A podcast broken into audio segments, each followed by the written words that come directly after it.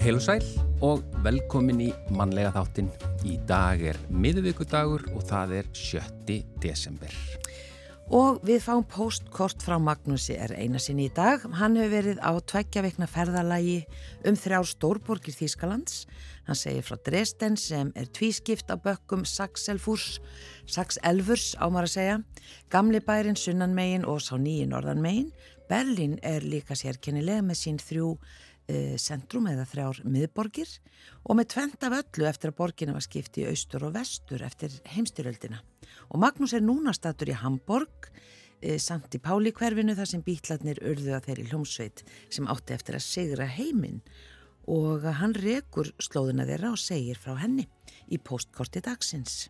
Já, uh, meistranemar í riðlist við Háskóla Íslands hafa undanfarin árverið í samstarfi við Ráseitt í desember vegna útgáfu jólabókar Blekfélagsins. En Blekfélagið er nefndafélag riðlistar og þetta er í tólta sinn sem þetta er gert. Fyrst voru sögurnar 100 orð hver en svo fækkar orðunum með hverju árinu og nú eiga sögurnar að vera nákvæmlega 89 orð. Eh, þemað í ár er órói og við heyrum höfundana sjálfa lesa uh, þessar örsögur í þættinum í dag. Fyrsti hlutin var fluttur á fymtudaginn síðastliðin og þetta er sem sagt annar hluti þessara sagna. Við getum lært að vingast við taugakerfið í amstri dagsins og mjúkar, jókarhefingar, öndun og hugleisla og, og tónheilun geta hjálpað og við ætlum að forvittnast um hvernig við getum komið betra jafnmægi á taugakerfið með uh, já, alls konar verk færum og uh, þetta er nú aldeilis kannski svolítið gott innlegg inn í streytuna sem oft er á þessum dögum uh, í desember og hún ætlar að koma hérna Ásta Arnardóttir frá Jókavinn og uh, segja okkur nána frá og gefa okkur góð ráð. Já, þetta er gott. Við þurfum að læra að anda inn og út og slaka og eitthvað slíkt. En við byrjum á tónlist eins og alltaf. Þetta er hljómsveit Magnúsar Ingimarssonar og lagið heitir hún Ring minn ber. Og Vilhelmur Viljámsson syngur. Ring minn ber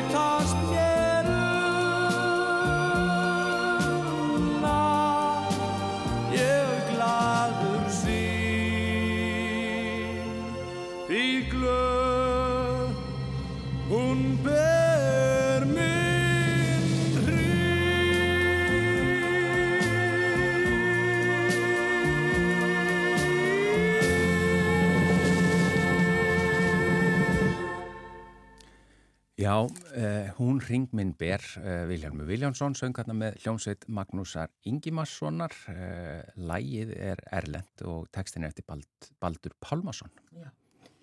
Og þetta var tekið upp í Ríkisútvarpinu 1969 og þarna var Strengjasveit og Sinfonu hljómsveit Íslands og Kór Magnús Ingimarsson útsetti og upptökumöðurinn var Pétur Steingrimsson, hann tóknu upp mjög margt einmitt á þessum, á þessum tíma. Já, svakalegu lokatótnin hann hjá hann Viljámi. Það var náttúrulega ótrúlegu söngvari. Frábær söngvari. Eh, en við ætlum, við höfum oft svona talað um það vikunar í, á þessum vikum í desember mánuði, þá er það, það byggist upp einhver streyta, eitthvað stress eh, og það er þessi stóri, stóri dagur 24. desember, allt þarf að vera klárt og maður einhvern veginn á að vera búin að öllu, öllu hverju Já, já. Já, Vi, við einhvern veginn spinnum okkur oft sjálfu upp í bara svakalega mikið stress sem að kannski, við, við ætlum allavega að leita leiða til að komast út úr í hér í dag. Bara svona til þess að e, svona fá tól og tæki til þess að e,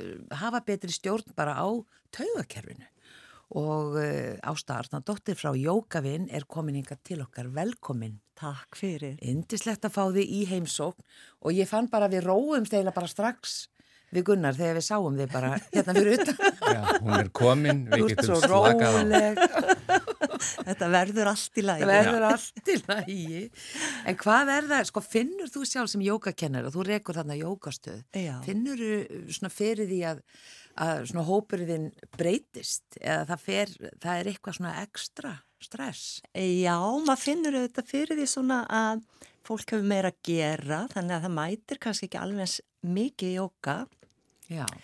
og svo uh, jú, og svo finn ég bara líka sem manneska fyrir nú að koma jól og, og, og ég var alin upp í, uh, í móðurætt uh, þá er var afi minn og amma með verslun og jólaskreitingar og mikið að gerast fyrir jólin og svo móði mín með verslun og löfi hundrað þannig að ég er alveg uppið svona það er mikið að gera fyrir jólin Já.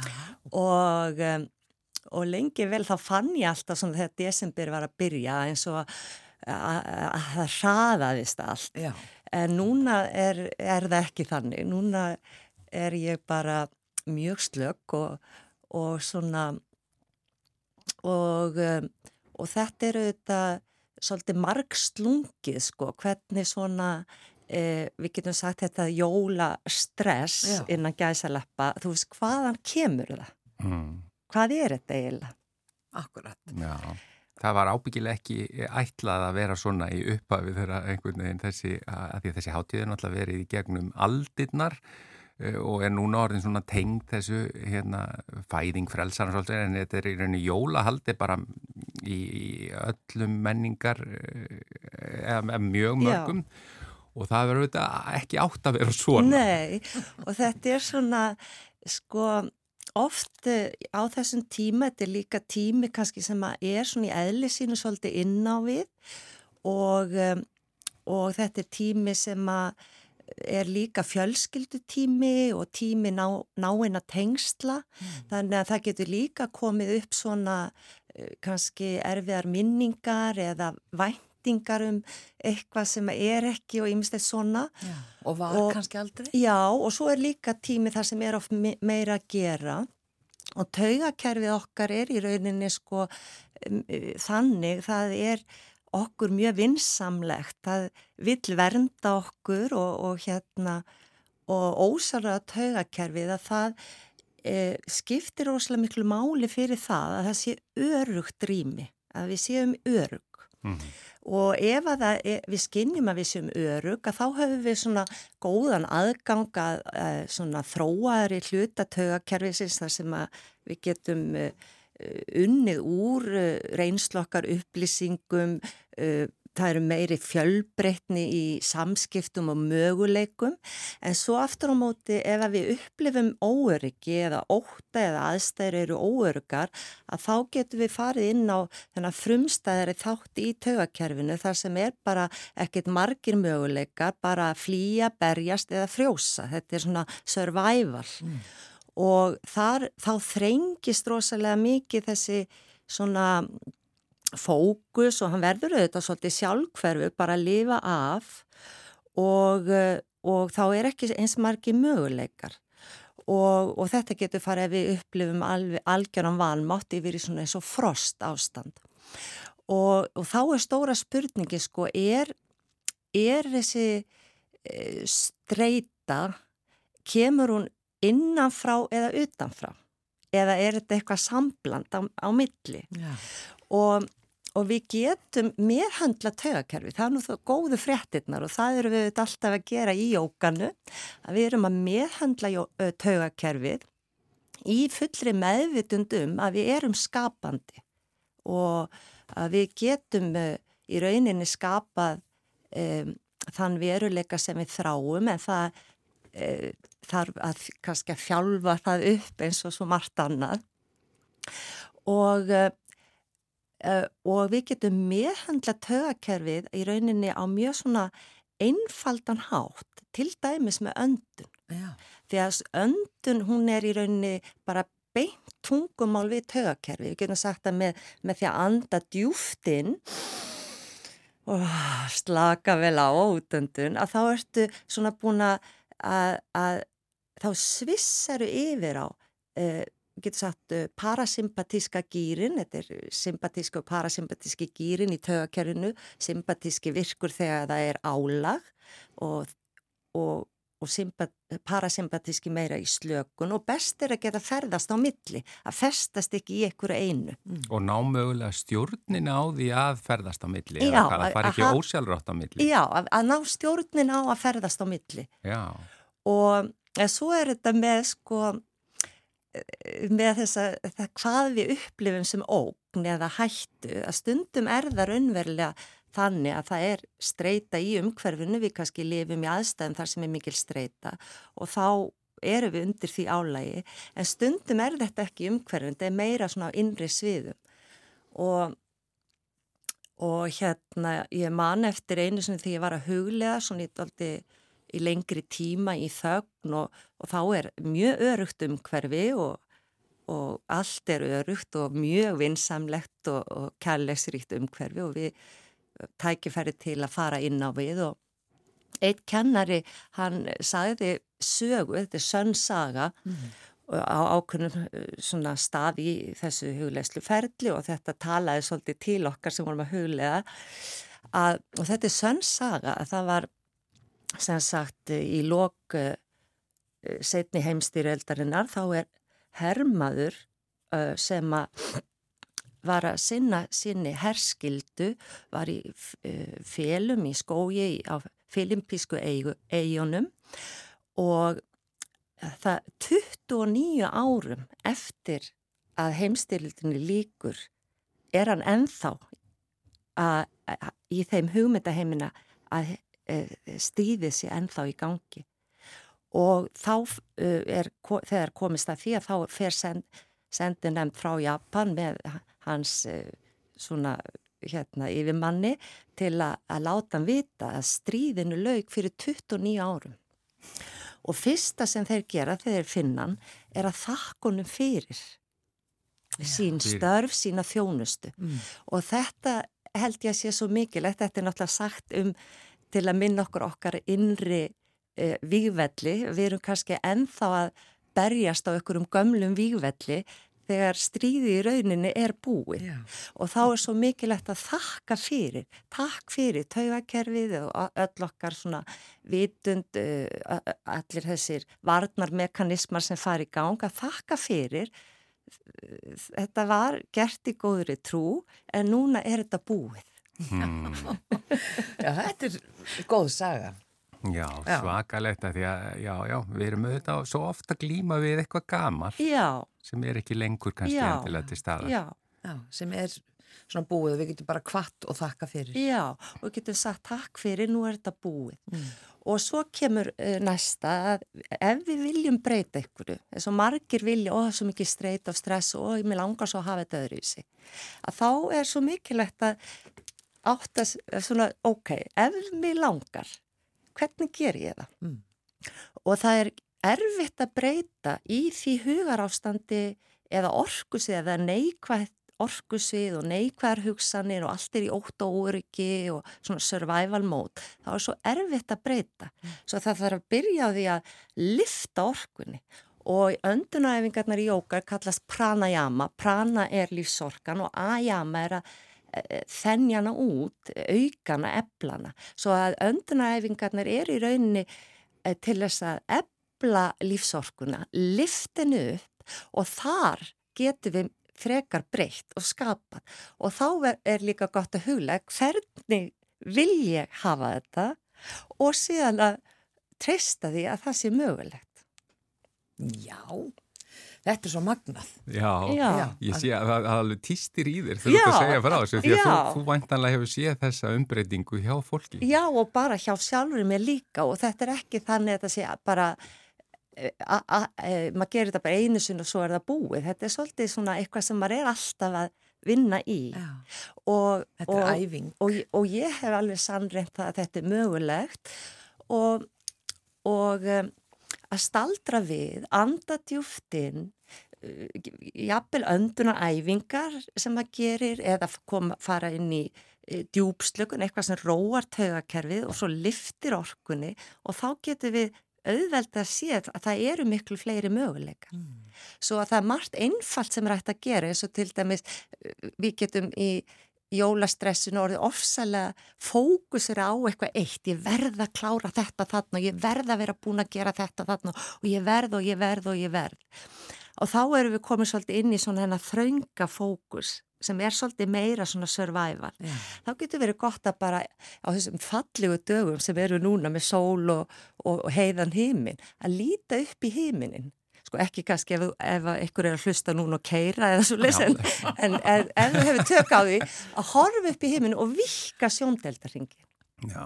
Þú veist, að opna þess inn á meira space, meiri möguleikar. Mm. og það eru tækja tól til að gera þetta. Annars myndum við bara, við þurfum öll að fá aðeins svona eitthvað í, í verkvarakistuna og það getur verið, þú veist, að þessi djúpa öndun, það getur verið að finna fyrir líkamannu, þú veist, bara finna, reyfa fingur, reyfa tær, finna, uh, þú veist, hvernig er snertingi með jörðina, mm.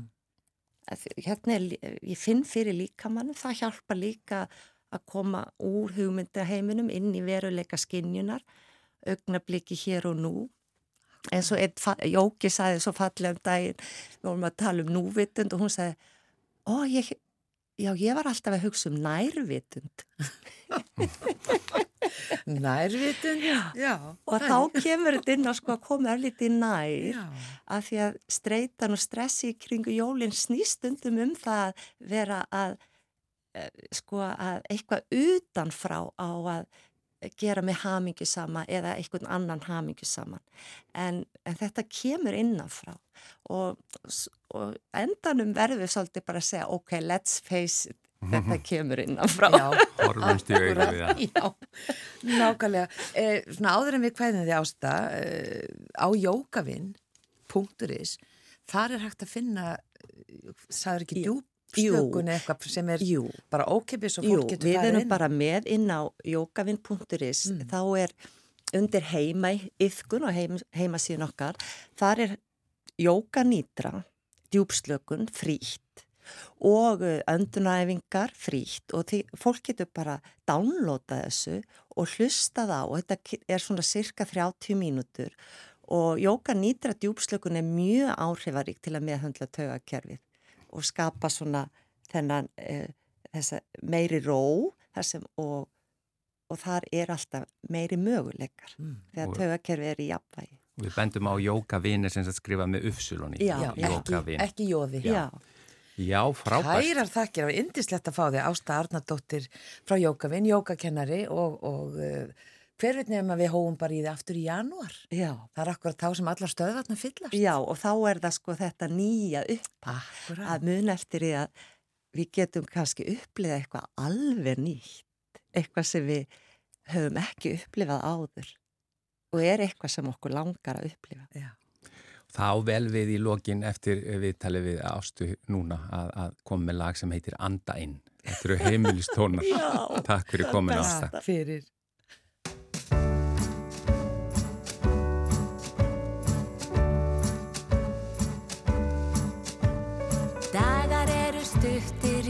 desember. Dáldi mikil tími í amstur fer Svo mikið um að vera og margt að sjá. Margir er á hlaupum til að ná. Er allt hjá þér komið á yfirspinn? Og ekki virðist mæja dagurinn. Findu þá sóf og flegðu þér. Fylstu svo vel með hvað ég segi hér Þú skalt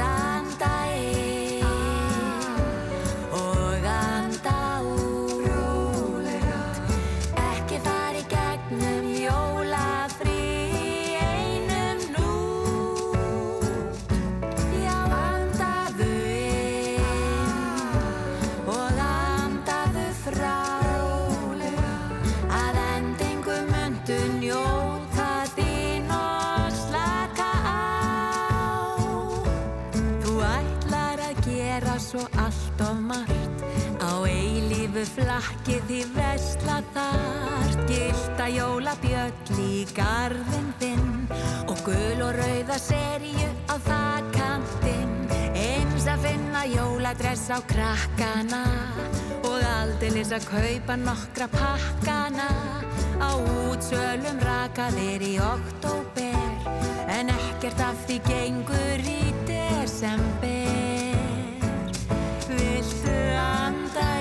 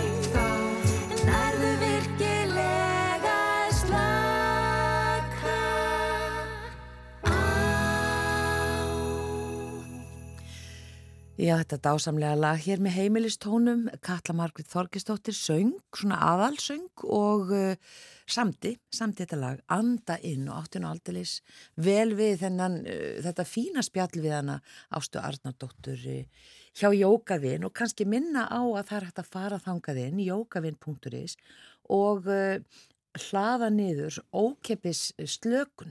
Já, það undir sem sagt heima yðkun á síðunni. Já, En eh, nú er komið að ég að heyra annan hluta af örsögum frá meistaranemum í ritlist við Háskóla Íslands. Þetta er tóltarsinn sem þetta er gert. Það var byrjað á hundrað orðum á hverja sögu og svo að, hefur verið fækkað orðunum með hverju árunni og nú er þetta nákvæmlega 89 orð, hvorki meira enn minna og e, höfundarnir kynna sig inn og titilin á sögunu og svo lesa þau söguna.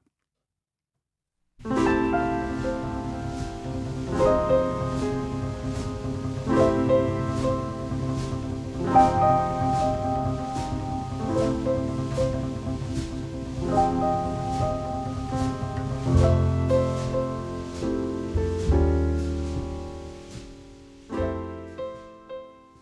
Blöndal Byrgistóttir Útsjón Út um stofugluggan hef ég óspilt útsinni til sjávar. Þegar við hjónin skoðum íbúðuna fyrst, hrefst maðurum minn af útsýninu. Gekkja að sjá til sjávar, sagðan. Sjálf heitlaðist í mesta manninum sem bjóði hliðina okkur. Í skilnaðinum gekki hart á eftir því að halda íbúðinni. Fyrsta í aðvendu fæ ég nágrannan yfir til að hengja upp Georg Jensens sapni mitt og býð honum upp á rauðvin og meðan. Þetta útsýni gætorði þitt, læt til okks vaða, ef við brjótum niður veggin á milli.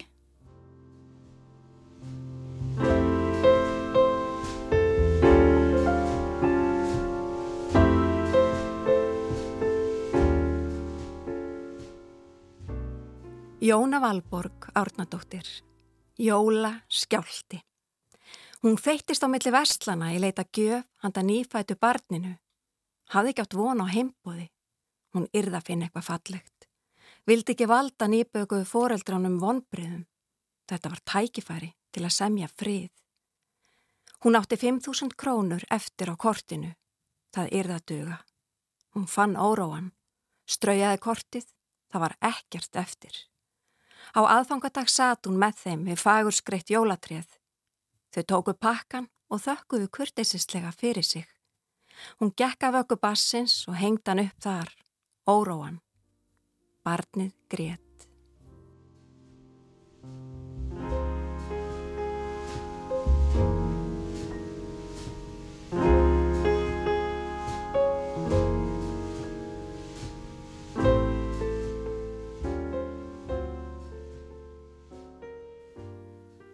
Ásta Há Ólafsdóttir, Fóta og Eirð. Giljagur er þreyttur eftir langan dag. Hann getur ekki setið á strák sinum lengur og gefur skít í magnísíumsprei með lopnarblómi og kamilu.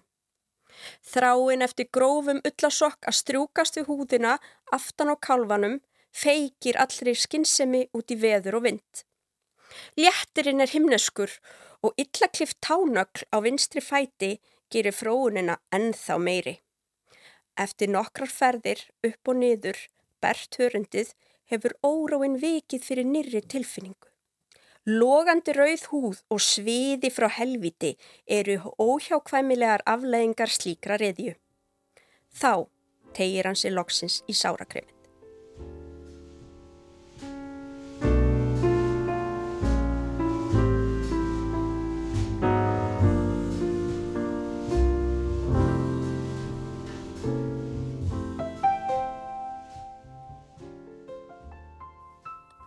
Fanni Björk Ingolstóttir, Minjagripur.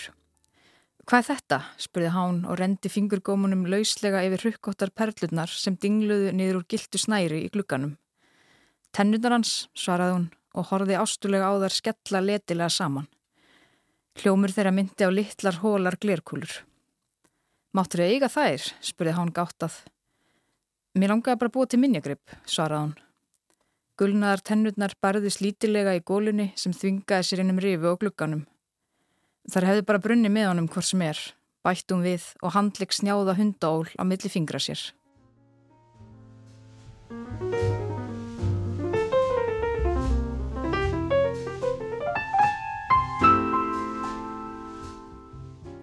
Berglind Erna Tryggvadóttir, Sistkinni Þegar ég var fjöra ára fekk ég rauðmálaðan óróa í jólagjöf.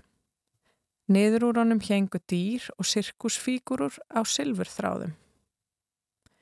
Bróður minn, tveimur árum yngre en ég, tók ástfóstri við óróan. Ég hefði lítinn áhuga á svona dóti en týmdi samt ekki að gefa honum hann. Eftir jól hengdi mamma óróan upp í herbyggi bróður míns. Núna á ég von á barni. Hann á ekkert barn og ekki einu sinni maka. Á morgun ætla ég í bílskúrin til mömmu og pappa að sækja óróan. Kom honum fyrir heima hjá mér.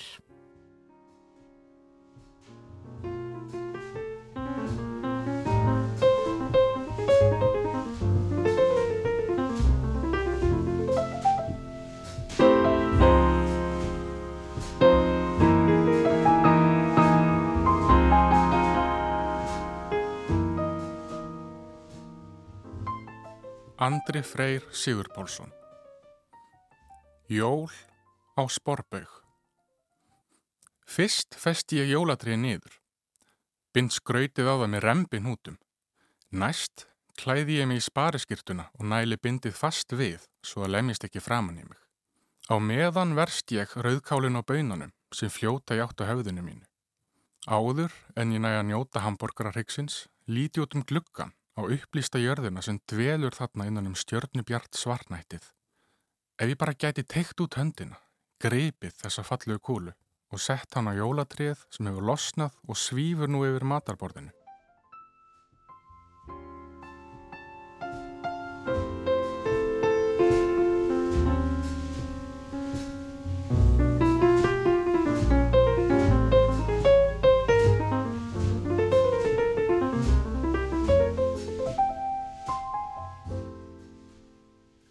Vala Haugstóttir, Rótgróin mótþrói. Frá því við stóðum síðast upp frá borðinu höfum við verið á þeitingi, snúist í kringum sjálfið og fjarlægst hvert annað. Tvö öll verka á okkur, flótti og bönd, rótgróin mótþrói. Höldum sambandi við hvert annað í gegnum mömmu, bundin rótum, naflastrengjum, blóðböndum. Mamma sendi okkur út í yðuna en lífið snýst áfram um hana. Og sjá, við erum komin hringin. Klukkan slær sex og við setjumst dillandi í kringum borðið.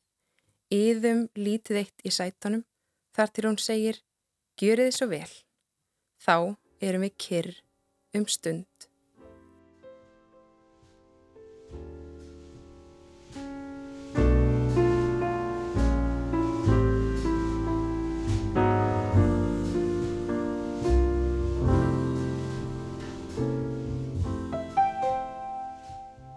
Regn Solmundur Efu Fyðrildi Ég segi þér að koma aðeins nær. Ég ætla að kvísla svolítið að þér. Þú hikar örlítið, lætur það svo eftir mér, leggur höfuðið á vanga minn, eirað uppi munnin. Andardrátturinn fær skiliðislausa ingöngu í heilan. Lítill fyðringur sem hríslast um allan líkamann. Nærin að hjarta og snertir þar streng sem aldrei hafi verið snertur áður. Þú býður eftir orðum mínum sem munu leka segfljótandi niður hálsin. Mundu, anda inn, anda út. Þú tekur andköf, færð gæsa húð. Kólefnið í hlýru útöndun kæfir hugsanir um ósagðar væntingar þínar.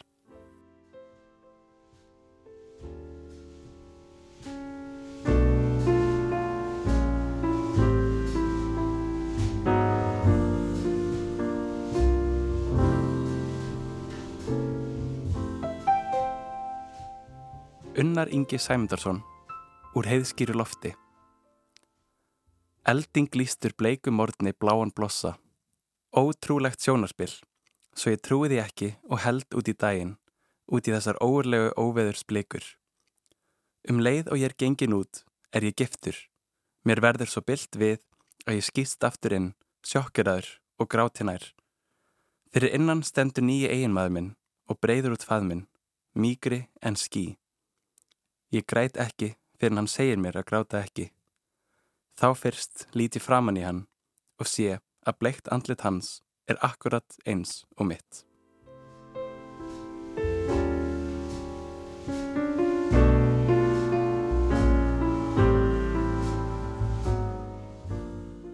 Ég heiti Aron Martin og textin minn heitir Eftirvænting. Dökkur hrokkin kollur hallar sér í hálsakot og geispar þegar allt er yfir staðið. Ilmurinn af möndlugraut, hangikjöti og heimagerðum ís hangir í loftinu og blandast við lyktina heima hjá ömmu og afa. Einilegt faðmlag sem bindur enda á kvöldstund hlýjar áður en kvöldin klýpur í kinnina. Krullurnar gæjast undan nýri húfu á leiðinni út í bíl. Sveptrykkin spyr hann Er þau búin strax? Ég beigð svo lengi. Orðin falla þungi snjóin og braka undir litlum fótum í nýjum munnbúts á leiðinni heim. Með andvarpi hefst byðin á ný.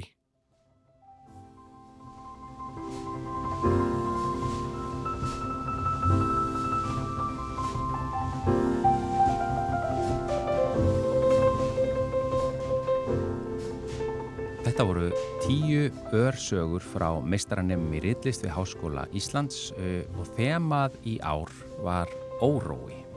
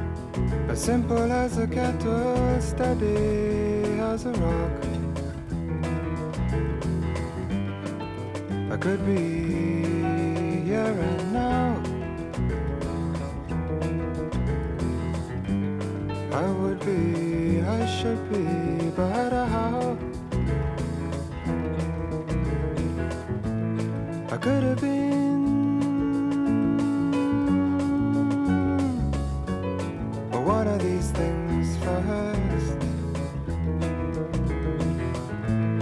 I could have been.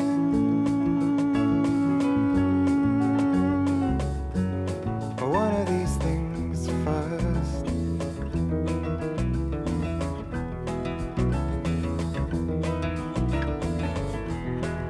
I could have been your pillar, could have been your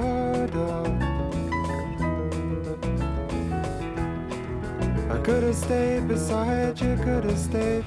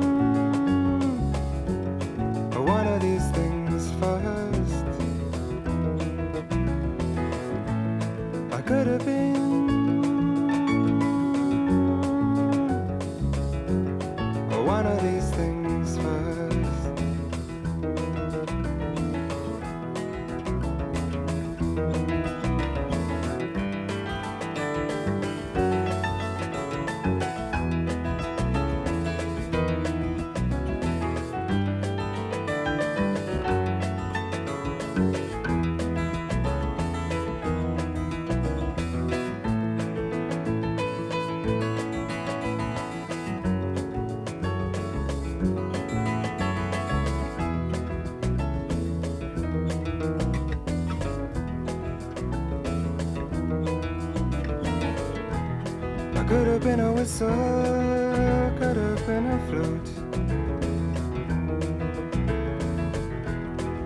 A real life giver could have been a boot. I could have been a signpost, could have been a clock. As simple as a kettle, steady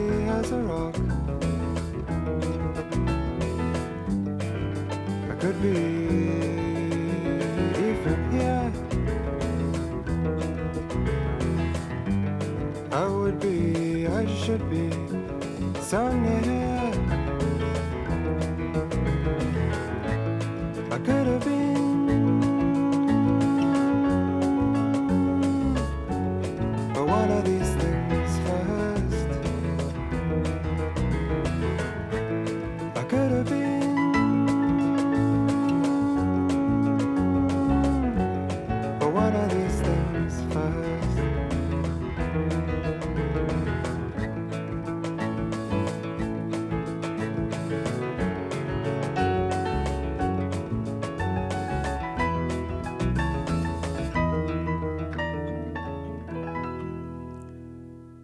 Þetta lag heitir One of These Things First. Það er Nick Drake sem söng það og samti. Já, og það er komið að postkorti frá Magnúsi okkar einarsinni. Heil og sæl. Ég hef að undanförnu farið nokkru sinnum til Þískalands og nú er ég stattur í Hamburg þegar þetta er talað. En þessi ferð byrjaði í Dresden, lág svo til Berlinar og aðan hinga til Hamburgar. Og hér er ég komin til að skoða samt í Páli hverfið, meirum það segna. En þetta var í þrýða sinn sem ég heimsótt í Dresden, en ég hef aldrei dvalið nógu lengi þar í borg til að hafa sérstöka tilfinningu fyrir henni, aðeins tvær til þrjár nætur hverju sinni. Borgin skiptist í tvent, norðan og sunnan megin við Saxelfur. Gamli bærin, Allstad að sunnan og Náistad, nýji bærin að norðan. Gamli bærin er með glæsilegar byggingar, allar endurreistar í upprunalegri mynd eftir bombarderinguna í heimstyrjöldinni. Nýji bærin er hins vegar með skemmtanalífið og veitingastæðina.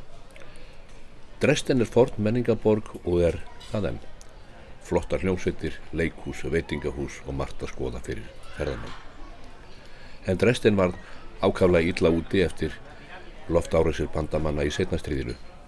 Sérstaklega undir lokin þegar þjóðverjar voru nánast á njánum og augljóst að ekkert annað en ósigur blasti við þeim. Um miðjan februar 1945 vörpuðu alls 1300 sprengjuflugilar næstum 4000 tonnum af sprengjum og eldbombum á borgina með þeim afleðingum að eldstormur myndaðist og hann geisaði um gamla bæin með miklum sú, fleiru hundruð gráður á Celsius og lagði gessamlega í rúst 6,5 ferrkilometra borgarinnar. Að minnst að kosti 25.000 manns fórust, stór hluti, konur og börn. Þessi árás hefur verið afar umdeild væga sagt og mikið rannsökuð af sagtfræðingum. Hernaðarlegt mikilvægi borgarinnar var nánast ekkert þegar þarna var komið sögu í stríðinu. Borgin var fulla fólki á flótta undan rauðahernum sem nálgæðist hratt úr austri og söðri. Uppaflega gerðu bandamenn sérstaklega ráð fyrir árás á Berlín en Chemnitz, Leipzig og Dresden voru líka inn í myndinni. Þessar loftarásir á þessu stígi stríðsins voru hugsaðar til að eidilegja grunnstóðir borgarna, massveitur og ramasveitur aðalega og svo auðvitað til að rýfa niður móralinn hjá alþýðunni. Það er nötuleg staðrind að Dresden var ein borgar sprengt í þessum með risa loftárósum vegna þess að þarum slóðir viðræði best til loftárósa. Yfir hinnum borgunum var láskíjað og engin sjáanleg skotmörg. Allur flugflótin, 1300 velar eins og áður sagði, fór til Dresden með þessum hróðalugu afleðingum og margir tala um stríðsklæp í þessu tilviki. Í dag sér maður helst merkjum loft árasirnar 1945 á steinónum. Þeir sem voru nótæfir þegar mannmerki voru endurreist eftir stríðið eru miklu dekkri en þeir sem voru högnir til að bæta í það sem vantaði. Þetta sést vel á Ágústusbrunni sem á Frúarkirkjunni og þessar byggingar eru flekkóttar en ekki einlítar af þessum sökum. Ég kom fyrst til Berlínar vorið 2008 og var þá ekkert sérstaklega hrifin af bæjarbragnum en það breytist nú eftir að ferðum þangað fjölgaði nú í ár og nú getur maður alveg ímynda sér að búa þar um tíma allavega. En í Berlín hafa fasteignir hækkað verulega bratt og hratt í verði undan farin misseri og það ríkir mikil samkeppnum leigu íbúðir þegar þær losna. Ástandið í þessum málum er vissulega ekkins galið og í okkar höfustad og nærsvettum en það er enguða síður afar hamlandi, sérstaklega fyrir ungt fólk, sem verður til þess að það kýsjar ódýrara húsnaði í öðrum borgum og bæjum.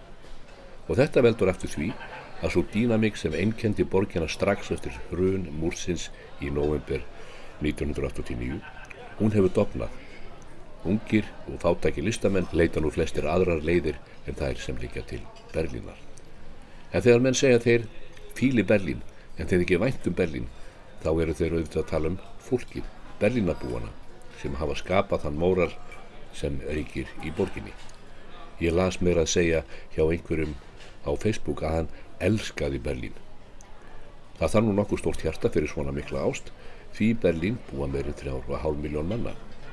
en sá kultur sem einkennir borgina hefur skapast á laungum tíma.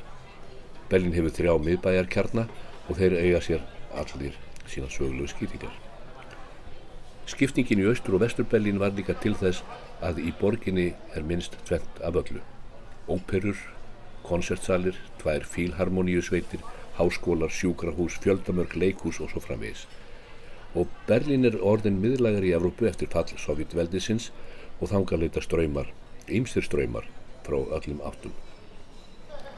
Jólamarkaðurinn er þýskur kúltúr sem er afar vinsæl, enda skemmtilegt að ráfa um, skoða, vesla pínulítið, fá sér mat og drikk og þarna er drukkið glývan sem á pínulítið skilt við íslenska jólaglögg. En þarna var þraung á þingi þegar markaðirnir opnuðu flestir um liðina helgi. Þá fórum við á nokkra markaði en þeir eru haldnir víða um borgina. Örgiskesla er mikil eftir hriðjuverki fyrir jólinn 2016 fyrir sjö árum eins og hlustendur munæflist flestir. Þá fórust 12 og 56 slösuðust. En nú er ég komið til Hamburgar, nánatiltekið í þetta hverfi sem ber heitið í Páli. Hverfið er aðalega þekkt fyrir skemmtanaðiðnaðin sem hér þrýfst. Vændi er löglegt í Þýskalandi og rauðakverfið í í Páli er þekkt við að veröld enda gamal gróið. Herberstrassi er mekka hvers manns, löfum brá í prest hvenna fanns, segir í söng spilast þjóðana sem ber heitið Norðan nýju. Hamburg var meiri háttar og er ennþá mikilvæg hafnarborg. Áður fyrir var umferðin miklu meiri í skipum og mannskaptalið, týjir og hundruð skipa og báta, þúsundir hásett og sjóliða yfirmanna og offisera í landi. Sjóminn áttu nokkra dag í landi á meðan skipin voru affermt og svo aftur fermt og þeim dögum og nóttum var gerna varið í Santi Páli, í glaum og gleði, í meirinn 200 ár. Herberstrassi er aðeins spölkort frá hótelunum þar sem við búum. Það fer ímsum sögum af skiptum við hvenn fólki þar, en víst er að túristarnir eru nú komið í stað sjómanana sem áður voru stæsti kúnahópurinn í þessu allræmda strætti. En það var ekki svo saga sem rak mig til Hamburger, heldur hitt að mér langar til að sjá þetta hverfi samt í Páli og þær slóðir sem bílarnir dróði hér um nokkura mánuða skeið á hverju ári í næstum þrjú ár, 1960, 61 og 62. The Beatles voru stopnaðir í Liverpool en urðu að bandi í Hamburg, rock og roll bandi sem spilaði alltaf 12 tíma á sólaring alla vikuna.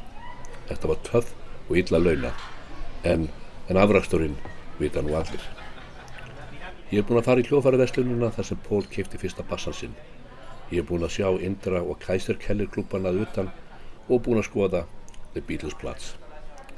Og ég hef daginn í dag til að ganga um hverfið, taka myndir, fara á kaffihús, skoði búðir sem eru margar sérstakar hér. En ég held ég nenni ekki út í Frídrik Eberthalli sem er salur í skóla fyrir sunnan Saxelfur.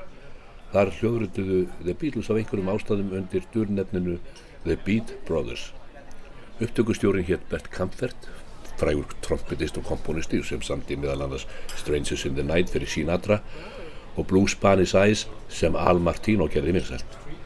En Bert tókst ekki vel upp með bílana þessar upptökur byrja vottum svolítið fús jafnvel kæruleysi Bert og teknimanns hans. En það er víst að bresku bílandir að þeir hafi verið spenntir. Allir undir eða um tvítögt að fara í fyrstu alveru hljóðrindununa með útgáfusamning um eina fjóralaga plötu. Platan seldist lítið sem ekki neitt en átt eftir að vekja aðtegli hungs businessmanns í Liverpool, Brian Epstein og söguna þarf ekki að rekja meir. Bestu kveðjur og góða stundir.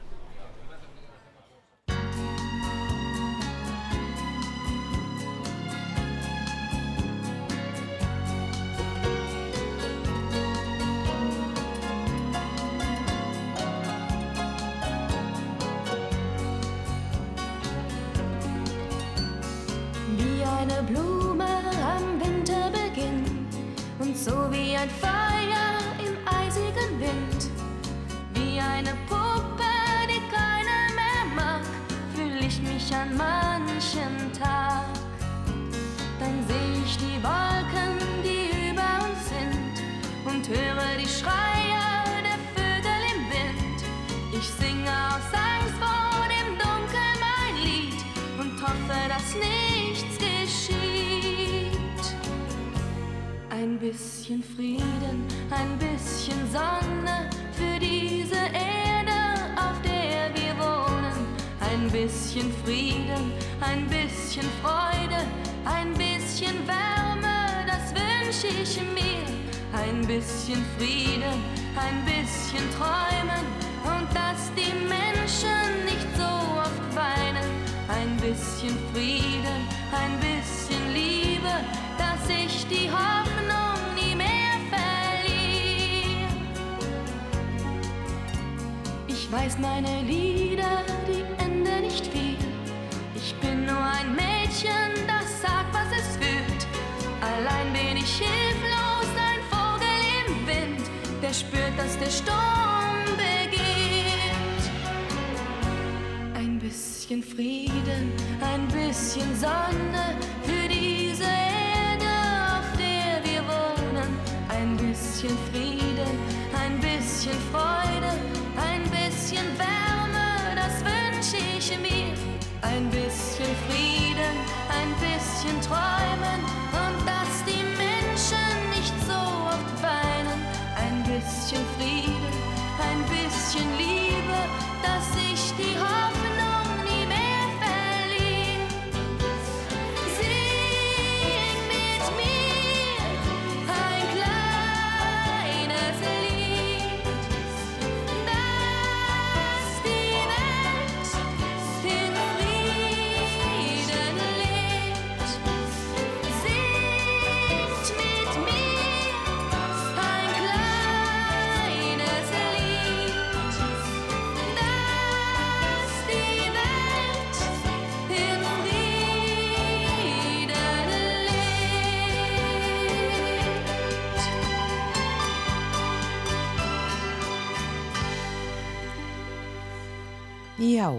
þarna söngu Nicole, uh, ein bisschen Frieden, sigraði Eurovision keppnina 1982.